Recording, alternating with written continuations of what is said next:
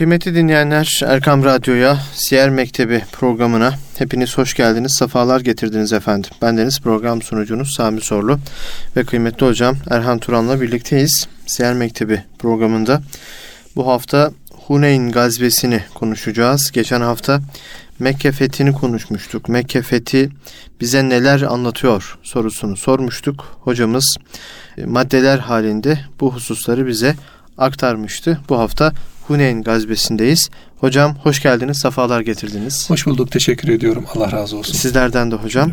Mekke'nin fethinden sonra Kabe'deki putları yıkmakla kalmayan sahabe efendilerimiz müca- tevhidin yeni bir merhalesi evet, diyelim. Tevhidin yeni bir merhalesi haline girdiler ve Huneyn gazvesi başlamış oldu. Burada neler yaşandı? Ee, bunu sizden dinleyelim hocam. İnşallah. Euzu billahi mineşşeytanirracim. Bismillahirrahmanirrahim.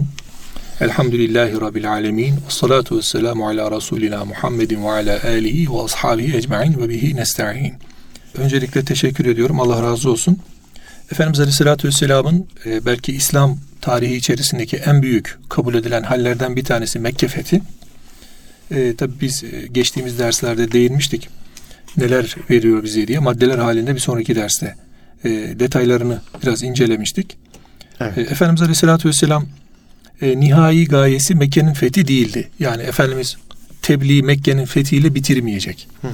Neden? Çünkü Allah'ın vermiş olduğu ömrü ve nübüvvet hayatını önümüzdeki e, kalan vakti de tamamen kapatacak şekilde yani hayatının geri kalan döneminde de İslam'ı tebliğ ile doldurmanın derdinde. Tabii ki Medine artık bir İslam devleti oldu. Mekke fethedildi. Bir e, sükunet hasıl oldu. Müslümanların sayısı arttı. Ancak tebliğ devam edecek. Bundan rahatsız olanlar oldu. Yani yakın kabilelerden özellikle Taif bölgesinde bulunan Huneyn diyelim Huneyn'de yaşayan Hevazin kabilesi ve Beni Sakif kabileleri hazmedemediler bu yükselişi. Efendimiz Aleyhisselatü Vesselam'ın Mekke fethini onlar sinelerine çekemediler. Bir ordu hazırladılar. Kaynaklarımızda 40 bin kadar kişiden bahsedilir bu ordu için. Resulullah Efendimiz bunun haberini aldıktan sonra yine Kabe'deki putların yıkılması, Mekke'nin putlardan temizlenmesi akabinde hemen durmadan Huneyn bölgesine bir e, sefer düzenleyecek. Bu savaş Kur'an-ı Kerim'de ismi geçen savaşlardan bir tanesi. Bir Bedir geçer e, Enfal suresinde, bir de Tövbe suresinde Huneyn e, savaşı geçer. E, Mekke'nin kuzeydoğusunda bir bölge. Hı hı. Burası takribi o zamanın yürüme yoluyla 3 günlük bir yol, 15-20 kilometrelik bir mesafe. Sonrasında Efendimiz Aleyhisselatü Vesselam e, şirkle mücadeleyi artık biraz daha sona erdirme, şirkle mücadeleyi artık tamamen bitirme hareketlerine girecek. Kendisi Mekke'ye 10 bin civarında sahabiyle gelmişti. O Mekke'den Müslüman olanlardan da 2000 kadarı dahil oldu.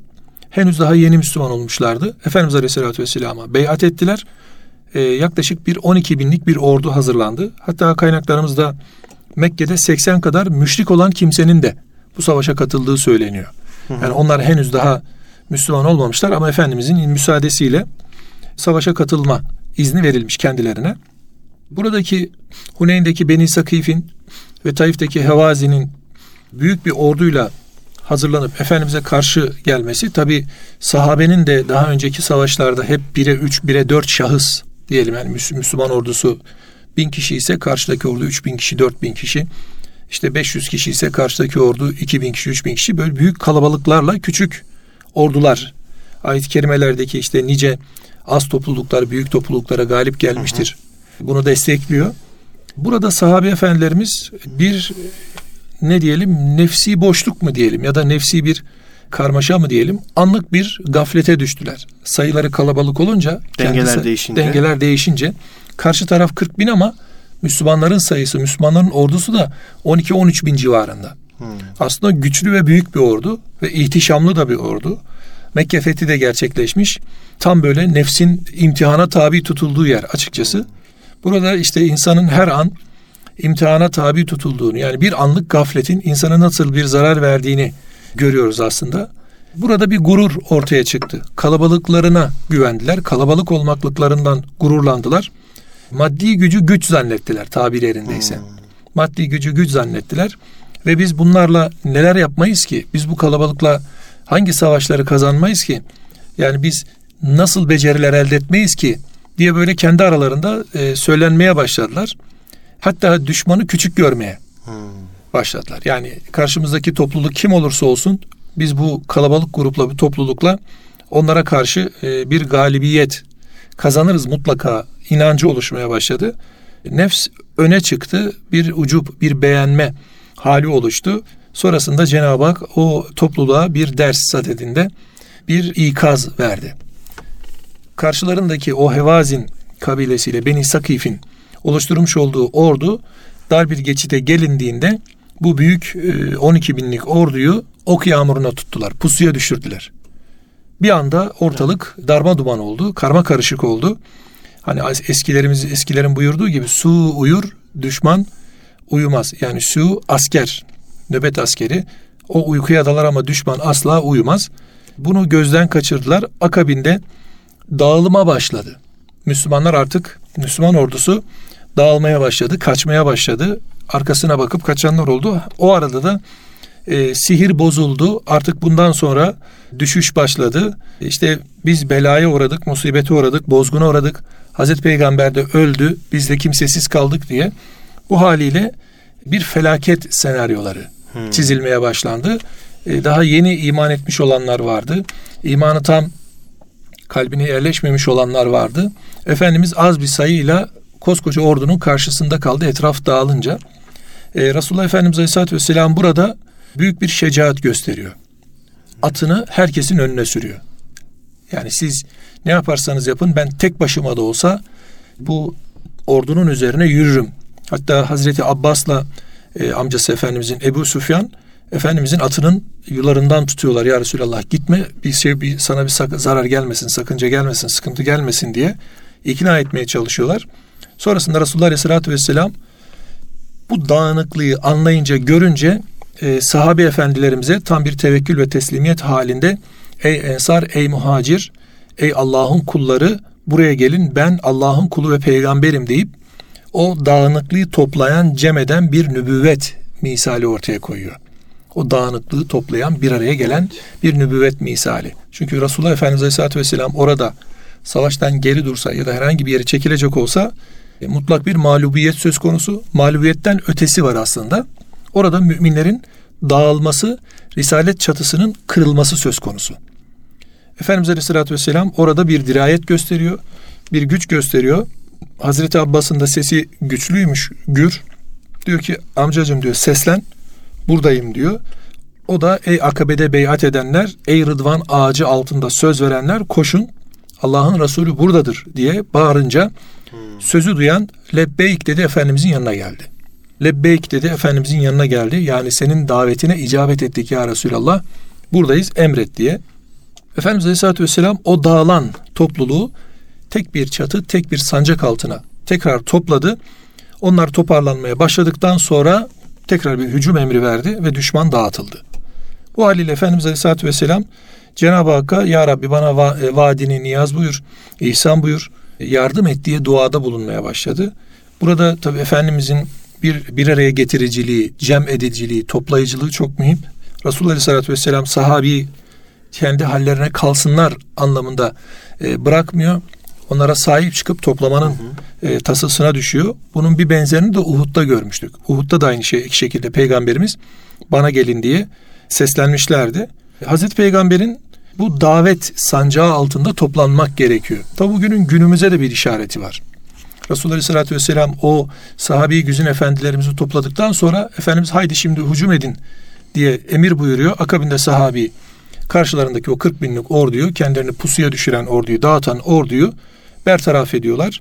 70 ya da 80 kadar düşman öldürülüyor. 70 düşman öldürülüyor. 4 de şehit veriyor sahabi. Bu haliyle zafer kazanılıyor.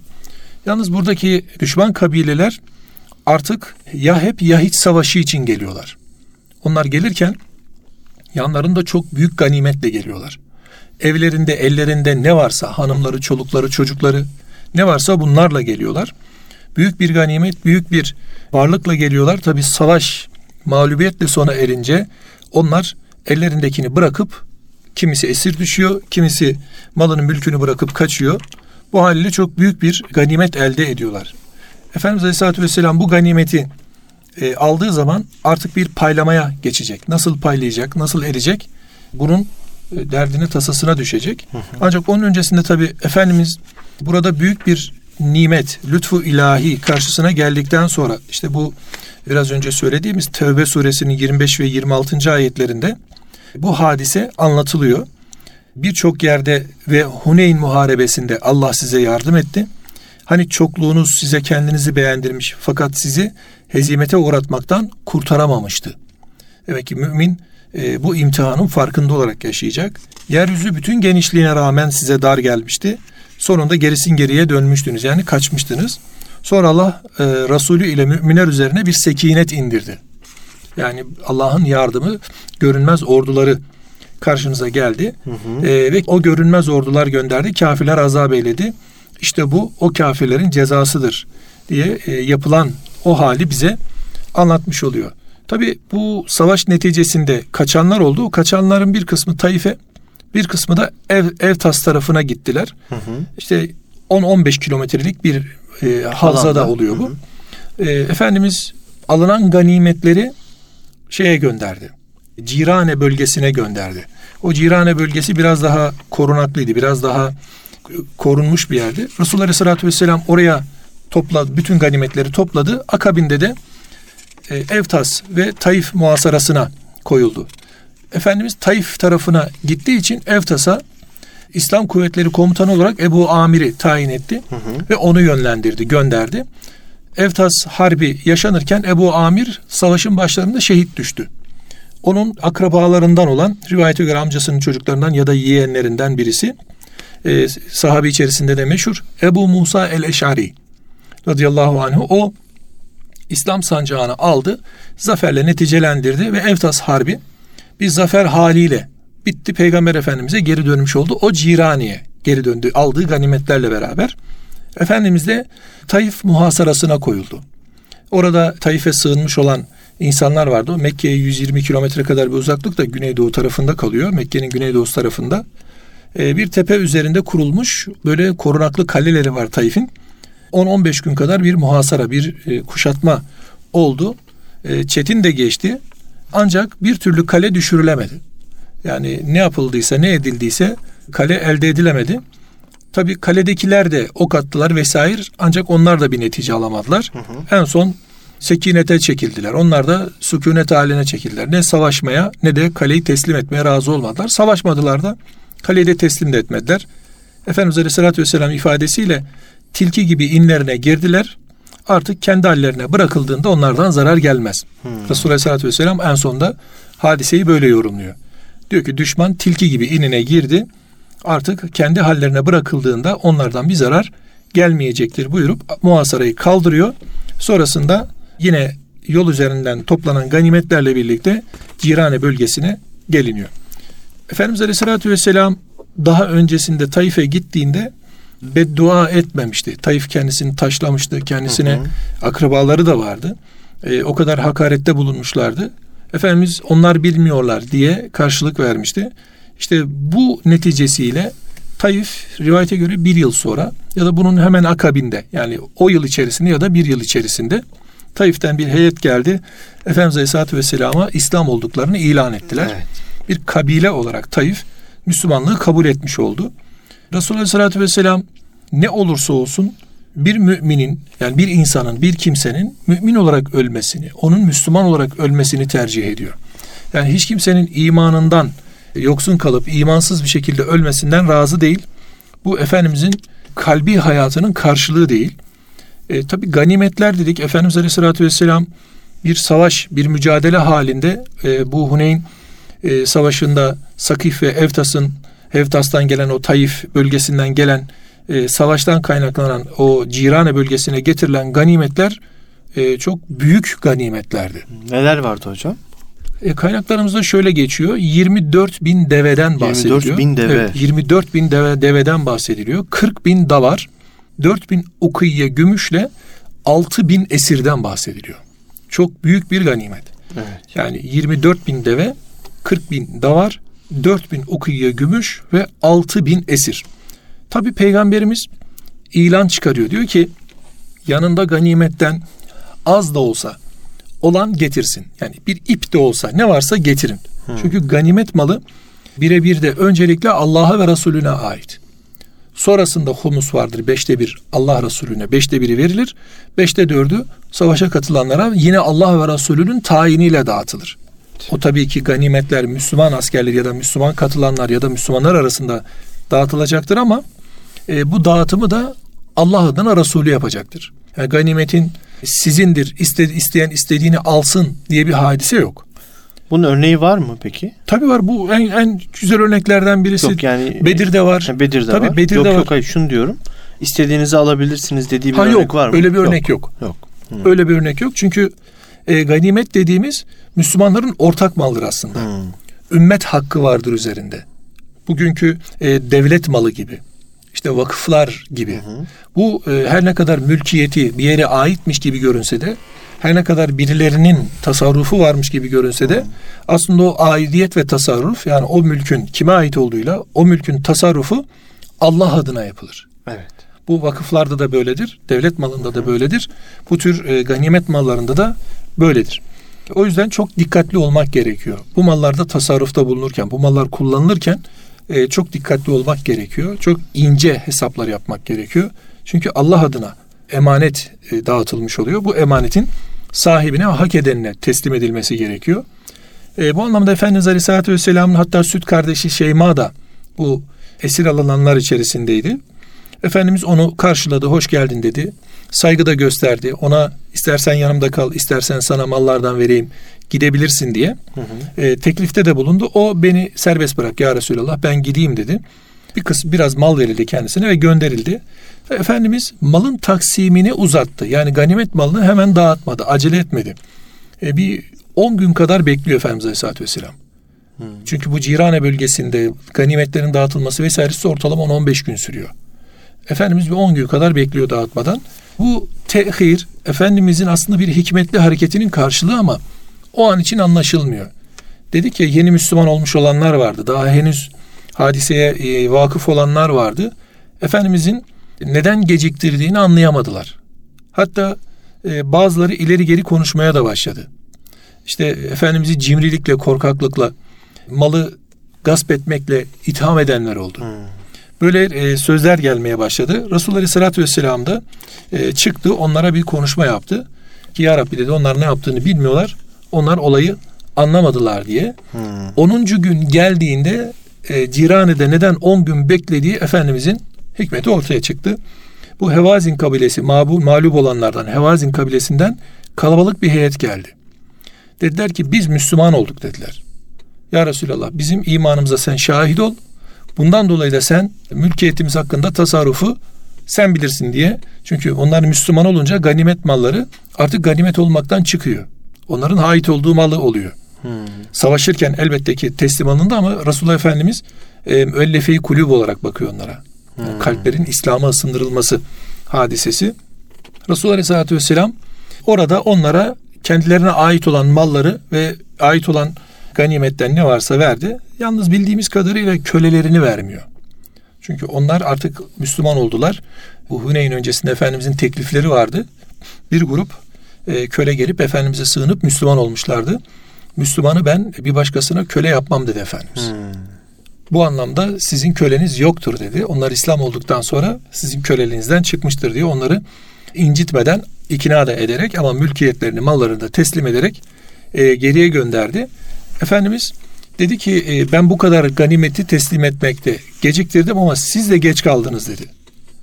Siz de geç kaldınız dedi. Hatta burada söylüyor. Şimdi ya esirleriniz ya mallarınız. Hmm. Birini seçeceksiniz. Yani siz bunlardan biri sizin. Onlar mallarını aldılar. Efendimiz Aleyhisselatü Vesselam daha doğrusu onlar önce esirleri teslim etmeyi istediler ama Efendimiz onlara o söylediğimizi söyleyip yani esir Müslümana e, Müslüman olduktan sonra olmaz diye. Hı hı. Ve kendine ait olan esirlerde Efendimiz bedelsiz gönül rızasıyla artık test şey yaptı, e, azat etti, bıraktı, kimisini serbest bıraktı. Orada farklı bir hava oluşturdu Resulullah Aleyhisselatü Vesselam. Çünkü 6 bin esir alınmış. Bu 6 bin esirin esir olarak yani bırakıldığında belki yine eski dinleri üzere devam edecekler. Belki eski dinleri üzere hayatlara sürmeye devam edecekler ama Resulullah Efendimiz onların iman etmesini, İslam olmasını tercih ettiği için serbest bırakıyor. Bedelsiz ve gönül rızasıyla serbest bırakıyor. Sahabi de öyle yapıyor. 6000'in hepsi Müslüman oluyor mu hocam? Yok hepsi Müslüman olmuyor Hepsi ama bunların çoğunluğu Müslüman oluyor. O 6000'in dışında e, o Sakif heyeti, işte Hevazin heyeti, Hmm. Taif heyeti akabinde Anadolu ifadesiyle çorap söküğü gibi. Ayetin ifadesiyle e, fi dinillahi efvaca.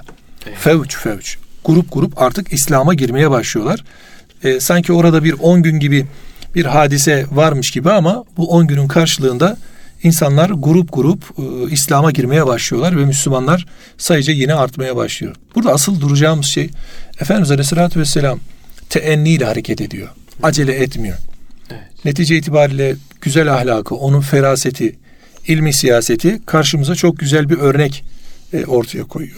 Hocam bu 10 günde peki Peygamber Efendimizin bu beklemesinden dolayı yani belki diliyle iman ettim deyip kalbiyle tam manasında bağlanmayanların Evet. e, ayrıldığı var mı? Yani bu 10 gün içerisinde ayrılanlar oluyor mu peki? Ayrılanlar yok hocam.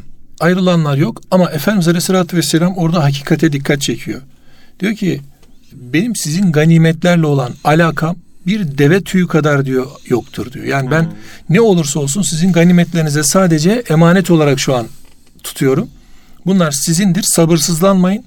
Yani şu vadi dolusu da olsa, vadinin taşları kadar da olsa ben yine bunu dağıtacağım. Beşte biri bize bırakılıyor. Geri kalanı sizin aranızda taksim edilecektir diye. Efendimiz Aleyhisselatü Vesselam e, orada bir aceleciliğin olmaması gerektiğini, belki de Allah'ın kendisine bildirmiş olduğu bizim anlamadığımız vahiy var.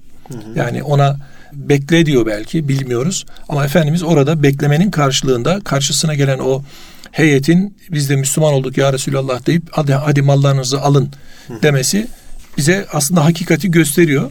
Tabi burada bir örnek var Hakim bin Hizam. O çok ve vicdanlı bir müşrikti şey zamanında. Hı hı. Mekke döneminde.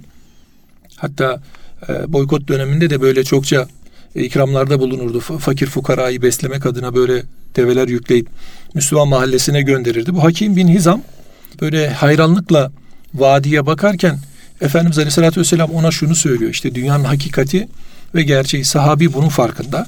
Diyor ki ey Hakim diyor gerçekten şu mal çekici ve tatlıdır. Yani malın bir cazibesi vardır. Kim onu hırs göstermeden alırsa o malda kendisine bereket verilir. Ha yok kim de ona göz, göz dikerek bir hırsla elde etmeye çalışırsa o malın bereketi olmaz. Böylesi yiyip yiyip de bir türlü doymayan kimse gibidir. Veren el alan elden daha hayırlıdır diyor. Hatta ya Resulallah diyor şu develer diye işaret buyuruyor Efendimiz. Orada yüz kadar deve vardı. Efendimiz Aleyhisselatü Vesselam ona hepsi senin olsun diyor. Hakime. Hakime. Hatta vadi diyor. Diyor ki bir yüz daha vereyim o da senin olsun diyor. Peki diyor diğer ya Resulallah diyor o yüz de senin olsun diyor. Diyor ki Allah Resulü Aleyhisselatü Vesselam sonra hakim Müslüman oluyor. Diyor ki Allah Resulü Aleyhisselatü Vesselam o gün diyor bana çok güzel bir örnek verdi diyor. Benim gönülle aldığım yüz deve dışında diğer diyor bana verdiği o iki yüz deveyi geri verdim diyor. İstemedim diyor. Ve dedim ki diyor bundan sonra hiç kimseden ne verirse versin bir şey kabul etmeyeceğim. Ben bana verilenle yetineceğim dedim diyor. Birçok savaşa da katılıyor. Savaşlarda ganimetler Hazreti Ömer döneminde falan da ganimetler kendisine teklif ediliyor. Bana Resulullah'ın verdiği yeter bana fazlasına gerek yok deyip geri çeviriyor. Allah Allah. Bu haliyle bir tesir. Yani o- hocam şu var. Bu insan müşrikti. Yani birkaç ay içerisinde belki birkaç hafta içerisinde yaşıyor bunları. Ve o iman Allah Resulü'nden kendisine öyle bir damlıyor ki o insan kendisine verileni de geri veriyor. Sonrasında bana ne verildiyse o bana yeter bundan fazlasına da gerek yok diyor. Ee, bir defasında yine e, müşriklerin böyle ileri gelenlerinden Safvan bin Ümeyye vardı. O da aynı şekilde vadiyi seyrediyor. Efendimiz ona soruyor. Peki vadiyi sevdin mi diyor. Sevdim diyor. İçindekileri diyor. Onları da sevdim diyor. Tamam diyor. Vadi de içindekiler de senin olsun diyor. Safvan şaştım kaldım diyor. Orada o hayranlığı iman etmesine vesile oluyor. İşte bunlara müellefe-i kulüp deniyor. Eyvallah. Yani gönlü imana ısınma ihtimali olanlara bu şekilde ikramlar veriliyor ve e, o ikramlarla insanlar imana getiriliyor. Bir başkası var. Abbas bin Mirdas diye. Bu da bir şair bir kimse ama bu biraz yaramaz bir adam. Hmm. Efendimiz Aleyhisselatü Vesselam'ı hicvediyor. Biraz yeriyor, biraz e, zemmediyor tabiri caizse, kötülüyor. Efendimiz bunun haberini bildiği için Bilal-i Habeşi'ye diyor ki o konuşmaya başlayınca ben sana diyeceğim ki götür bunun dilini kes. Sen de al götür buna elbise vesaire çok hoşlanır. Onlardan ikram et sussun diyor. Konuşmaya başlıyor bu Abbas bin Mirdaz. Efendimiz Aleyhisselatü Vesselam Hazreti Bilal'e diyor ki ya Bilal götür bunun dilini kes diyor. Hmm. Adam tabi Bilal koluna görüp gö- girip götürürken başlıyor bağırmaya. Benim dilimi kesecekler neden mani olmuyorsunuz vesaire diye. Hazreti Bilal kulağına eğiliyor diyor ki ya diyor bu kadar bağırmana gerek yok. Allah Resulü Aleyhisselatü Vesselam sana ikram etmemi ve seni bu şekilde susturmamı istedi diyor. Hmm. Yani Efendimiz hep şahsına göre, hep oradaki insanların haleti ruhiyesine göre bir tavırda davranışta bulunuyor ve buna göre de taksimde bulunuyor. Tabi Resulullah Efendimiz bu şekilde diğer insanların imanını e, sağlamak adına onlar Müslüman olsun diye gayret ederken e, fitne durmuyor. Yine Allah Resulü Aleyhisselatü Vesselam fakir fukarayı terk etti. İşte Hakim zengin bir adam aslında. İşte bu e, Safvan zengin bir adam. Ondan sonra bu Abbas bin Mirdas dediğimiz adam varlıklı bir adam. Onlar bu şekilde ikramlar alınca fakir fukara bir şey almadı da işte bu zenginler mal mülk sahibi oldu diye birileri dedikodu yapmaya başlıyor. Sa'd bin Ebi Vakkas Efendimiz Aleyhisselatü Vesselam'a hadis, hadiseyi haber veriyor. Diyor ki ya Resulallah diyor hatta Cuail gibi fakirler diyor kaldı da diyor siz e, diğerlerine verdiniz ya diyor insanlar diye. Böyle gelince Efendimiz Aleyhisselatü Vesselam orada çok mükemmel bir şey aslında. Bu bunu belki hayatımızda bir şey yapmak lazım. Böyle başucu cümlesi yapmak lazım. Diyor ki varlığım kudret önünde bulunan Allah'a yemin ederim ki Uyeyne ve Akra işte o fakir olan sahabiler gibi kişilerle yeryüzü dolup taşsa Cuail onların tümünden daha hayırlıdır. Fakat ben bunları İslam'a ısındırmak için kolluyor. Cuail ise sımsıkı bağlı olduğu Müslümanlığına ve ahiretine, ahirette de kendisine hazırlanmış üstün mükafatlara havale ediyorum buyurdu. Yani aslında Efendimiz onlara dünyalık vermeyerek, çok fazla dünyalığa boğmayarak ahiretlerini koruyor. Ya Resulullah Aleyhisselatü Vesselam'ın yaptığı o hadise, yapmış olduğu o iş e, arkasında aslında sahabenin ahiretini koruma hareketi. Orada Uyeyne ve Akra elbette ki fakir garip kimselerden ama onlara biz mal mülk ve mal mülkü vermedik. Çünkü onlar için ahirette bunun alası hazırlandı. Onlar buna razılar. Onlar da buna razı olmakta devam etsinler. E, ve bu mükafatlara ben onlara havale ettim diye aslında cenneti de müjdeliyor onlara. Eyvallah. Bu e, Müslümanın en büyük düsturu olması gereken bir şey bence. Onların bir gönüllü kırgınlığını ifade ettikleri bir rivayet var mı hocam? Yok birkaç kişi sadece böyle bir işte adaletten neden adaletli davranmıyorsun tarzında böyle Zül Huveyrisa diye bir adam var haddini de aşıyor. Bunlar hı hı. e, Temimoğullarından vesairelerden yeni Müslüman olanlardan birkaç kişi daha iman kalplerine oturmamış. Böyle bir iki kişiden böyle bir hareket var. Onları da Cenab-ı Hak Tevbe suresinde yine 58-59'da Onlardan sadakalar hususunda seni ayıplayanlar da var. Hmm. Sadakalardan onlarda onlara da bir pay verilirse razı olurlar. Şayet sadakadan verilmezse kızarlar. Eğer onlar Allah Resulü'nün kendilerine verdiklerine razı olup Allah bize yeter. Yakın yakında bize Allah lütfundan verecektir. Resulü de bize verecektir. Biz yalnız Allah'a rağbet edenler deselerdi onlar için daha iyi olurdu buyuruyor. Yani aslında böyle takılanlar var mı? Var. Neticede Resulullah Aleyhisselatü Vesselam'ın bir ganimet taksimi ilahi bir taksimin karşılığı aslında. E, bunun farkında olan da var, olmayan da var. Bu biraz daha yayılınca, Ensar biraz e, alınganlık yapınca Efendimiz Aleyhisselatü Vesselam Ensar'a güzel bir hutbe irade ediyor. Bu çok uzun bir hutbe, oraya girmeyelim. Bu hem ilahi anlamda bir e, uyarı, Cenab-ı Hakk'ın kendilerine yapmış olduğu bir taksimin uyarısı. Ardından da Efendimiz Aleyhisselatü Vesselam onlara iltifatla birlikte kendilerine nasıl sahip çıktıklarını anlatan ve aslında ensarı metheden böyle büyük bir rivayet ağı yumağı. İsterseniz o hutbeyi vaktimiz varsa devam edelim yoksa bir dahaki derste önümüzdeki o, programda hocam o hutbeyle başlayalım. Evet, bu hutbeden başlayalım inşallah. Evet. Peki ve ahiru davanen elhamdülillahi rabbil alemin. Çok çok teşekkür ediyoruz hocam. Allah razı olsun. Ben teşekkür Gönlünüze. Allah razı olsun.